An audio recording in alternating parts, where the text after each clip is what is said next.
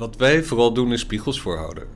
En wij, met insights eh, houden we de spiegel voor van... kijk, zo zit je persoonlijkheid in elkaar. Daar zitten je sterktes en je uitdagingen, je blinde vlekken. En we houden de managementteams een spiegel voor. Kijk, zo zitten jullie met elkaar eh, in een bepaalde hoek... eh, en, en daar zitten jullie blinde vlekken als team. En we houden organisaties een spiegel voor. Kijk, daar zit jullie cultuur. eh, maar jullie hebben ook een, een gemeenschappelijke blinde vlek. Je had het al gehoord. Fons Fekes heeft een Nederlands paspoort, maar woont en werkt de laatste tien jaar in België. Hij is partner bij Insights Benelux. Insights Benelux maakt deel uit van het wereldomvattende Insights met vestigingen in 40 landen. Vanuit het kantoor aan de Tervurenlaan 37 in Brussel bedient Fons, een erg Vlaamse naam trouwens, met zijn Belgische team Vlaanderen, Brussel, Wallonië en Luxemburg. Zijn werk concentreert zich vooral op het ontwikkelen van op maat gemaakte leiderschapsprogramma's en teamtrajecten bij grote organisaties. Opnieuw. Zeg je het weer met de M. Fecus, dat is in België een heel ongebruikelijke naam. Fecus in Het België. is ook in Nederland ongebruikelijk naam. Het is namelijk een schrijffout geweest in de Napoleontische tijd. Het moet eigenlijk Fijkes zijn, de zoon van Fijke. Aha, dus het is niet uitzonderlijk dat ik Fons Fecus zeg, terwijl het Fecus moet zijn. Hè? Ja, Ze zijn in allerlei variëteiten. Ja, ja, welkom in de Storyclub. Dank je. Ja, dat is interessant. Het schijnt dat, dat eh, maar 1% van de managers zowel taakgericht als relatiegericht is. En ja, ik ben eigenlijk van oorsprong vooral taakgericht, maar ik was al in mijn studie ook eh, heel geïnteresseerd in dat relatiegerichte. En dat kwam ook tot uiting dat ik sociologische economie heb gedaan. Dus ik, ik, ik was altijd geïnteresseerd in die combinatie. Zowel economie, de taak, als sociologie. Hoe gaan mensen met elkaar om? En in, samen, in ontwikkelingssamenwerking moet je continu bezig zijn met van hoe ga ik met, met deze cultuur, met deze mensen om die zo vreemd zijn van mezelf.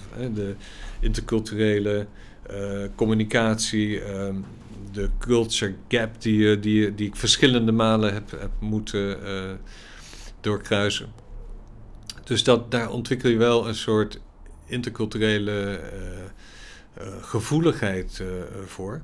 Eh, maar ja, ik ben ook drie jaar in eh, opleiding voor gestaltcoach gegaan. Nou, dan moet je zelf eh, tot het diepste van je eh zielenkrochten onderzoeken. Ehm, en, en, en die zelfkennis eh, krijgen. Dus het is, het is bij mij, het zat er altijd wel in. En het is eigenlijk een, een levenslang leerproces geweest. Want één ding is dat je daar interesse voor hebt. En tweede is, heb je die competenties ook. En, en kan je werkelijk in die blinde vlek kijken. En ik weet nog dat ik mijn eerste insightsprofiel kreeg. En daar stond eh, bij mijn eh, ontwikkelpunten van... In hoeverre kunt u delen in het geluk van anderen? En ik dacht even van, waar gaat dit over? delen in het geluk van anderen. Dat stond heel ver van mij af. En ja, ik, ik heb denk ik ook heel veel moeten leren om te komen waar ik nu sta. Als van econoom tot, tot coach en, en mensen eigenlijk op dat relatiegerichte met name kunnen coachen. Maar wel, ja, ik heb het zelf allemaal meegemaakt dat het een enorme transformatie vraagt.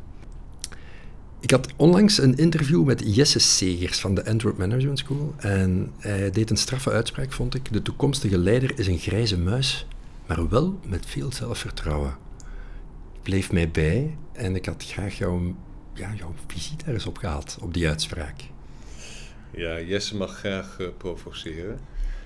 Eh, maar er zit een kern van waarheid in.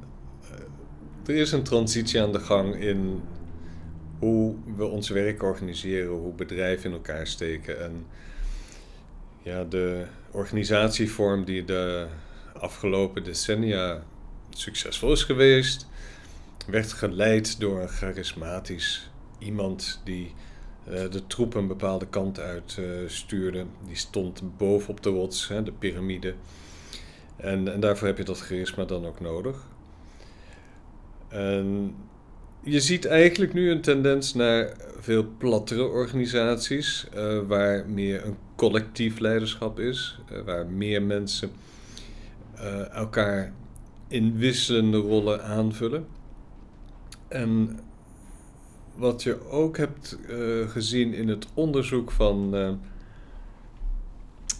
Jim Collins, is dat de organisaties die lange tijd succesvol zijn, leiders hebben die wat introverter zijn en die meer de instelling hebben: ik zorg dat de andere mensen productief zijn. En die introvertere leiders die veel meer een doordacht en doorvoelde manier van besluitvorming hebben, die, die zoeken niet zozeer uh, het, uh, het, het voetlicht op. Uh, die, die staan niet in de kranten. die zijn niet inderdaad de meest charismatische leiders. Ehm, maar dat zijn wel de meest succesvolle leiders. En ja, ik zou ze geen grijze muizen noemen. Het zijn zeer interessante persoonlijkheden over het algemeen. maar ze zijn misschien niet de, de Richard Bransons van deze wereld. Kunnen we alle boeken weggooien die over charisma gaan? Hoe moet je charisma bouwen? Hoe moet je het kweken? Charisma, ik vind het echt, echt omgekeerde wereld om aan charisma te gaan werken om een beter leider te worden. Als je je dingen goed doet, misschien dat er dan meer charisma ontstaat, dan is dat een heel fijn bijproduct. Maar om aan dat soort uiterlijkheden te werken, vind ik inderdaad gewoon de, de wereld op zijn kop.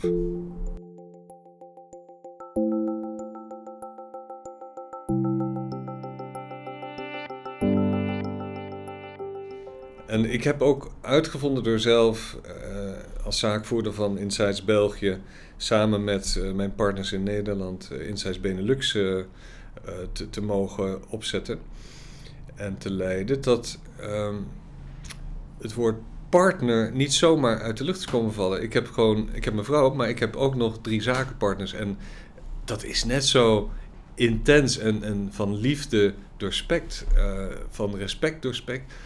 Um, dat is wel een rare uitdrukking van respect doorspekt. Uh, maar het is, um, ja, je zit daar met, met tijd, met geld, met, uh, met, met liefde op lange termijn aan elkaar vastgeklonken. En als dat, als dat echt een partnership is, ja, dan, dan zingt dat. Dan zingt dat, dat is zalig.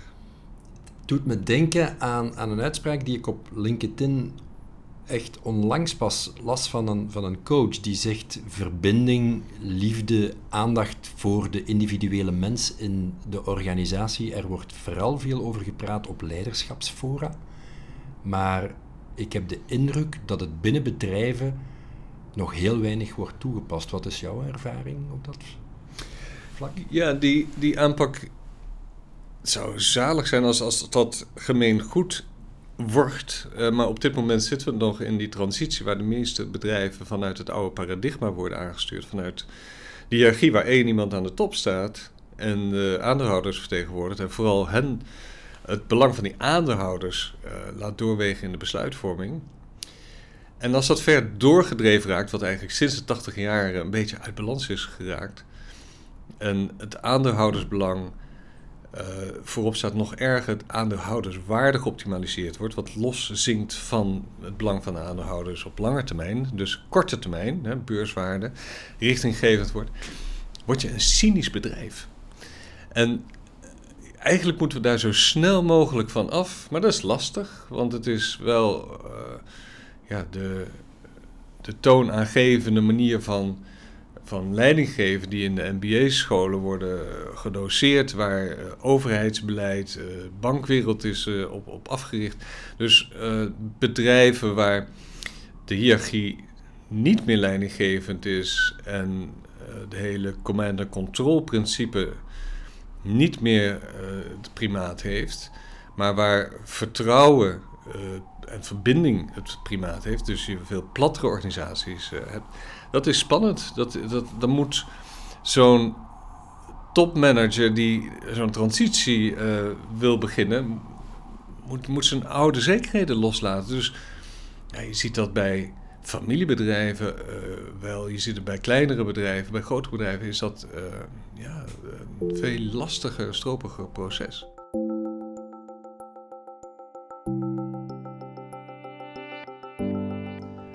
Als je de spiegel voorhoudt van kijk, jullie zitten jullie spreken over empowerment, jullie spreken over een bezielende missie, jullie spreken over een bottom-up strategie.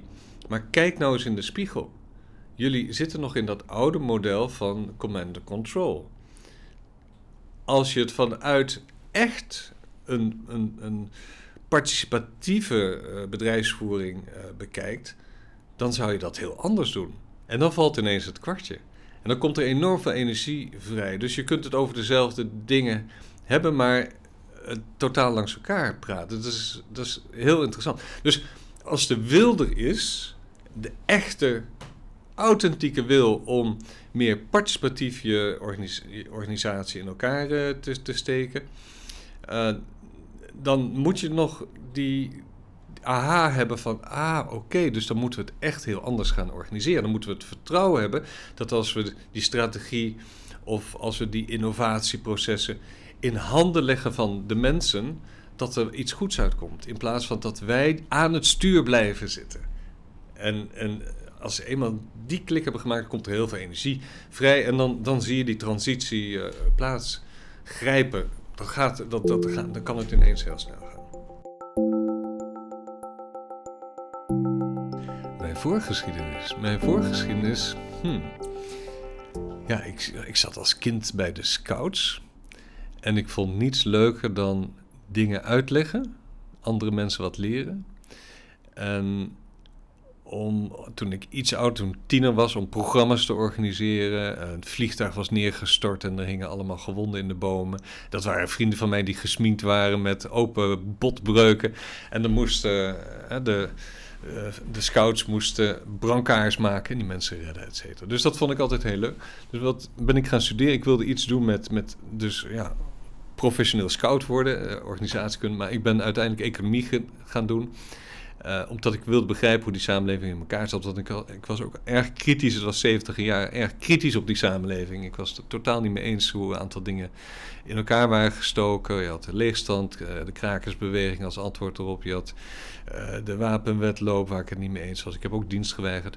En ik ben in plaats van in dienst te gaan, ben ik ehm, als, als econoom, pas afgestudeerd econoom, naar een land in oorlog gaan, naar Mozambique. En daar heb ik vier jaar gewerkt. En ja, in ontwikkelingssamenwerking mee continu bezig met kennis overdragen om mensen uh, te leren hoe ze eigenlijk jouw, jouw plek kunnen overnemen als je weggaat, zodat het doorgaat. Uh, uiteindelijk dat landen hè, hun, inkomens uh, kunnen verdienen, waardoor de, de, enorme inkomensverschillen tussen landen ook af gaan nemen. Dus ontwikkelingssamenwerking is eigenlijk mijn, mijn grote leerschool geweest. Um, ik heb in ongeveer 40 landen gewerkt voordat ik hier in België terecht kwam. En uh, ja, in België zocht ik wat te doen.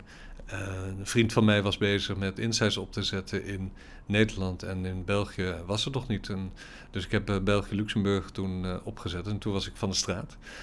Wat ik interessant vind als econoom, een econoom denkt na over hoe een, ja, een samenleving, een sector beter georganiseerd kan worden, hoe, hoe markten functioneren, waardoor schaarste wordt opgelost. Eh, maar gaat ervan uit dat de hersenpan van de mens is een black box, dat die nutsmaximerend is. Nou, daar klopt dus helemaal niets van. Kom je dan op, een op moment achter. En, en, zo ben ik eigenlijk op zoek gegaan. En toen kwam ik bij Insights terecht. En Insights had een op Jung gebaseerd model. Wat eigenlijk veel beter laat zien hoe mensen beslissingen nemen. Dus het was voor mij als econoom heel spannend om eens in die hersenpan te kunnen kijken. Nou, vervolgens heb ik me heel erg verdiept in, in uh, neurologie, neurologische wetenschappen, om te kijken of wat Jung toen de tijd zei, is alweer 100 jaar geleden, of dat ook klopt op basis van de uh, huidige neurologisch wetenschappelijke inzichten. En dat, dat uh, wordt daar zeer sterk door onderbouwd. En, en op die manier ja, kan ik heel makkelijk schakelen van een strategie van een bedrijf naar ja, en wat is nou een probleem bij die ondernemer of bij uh, dat managementteam waardoor het niet vooruit gaat?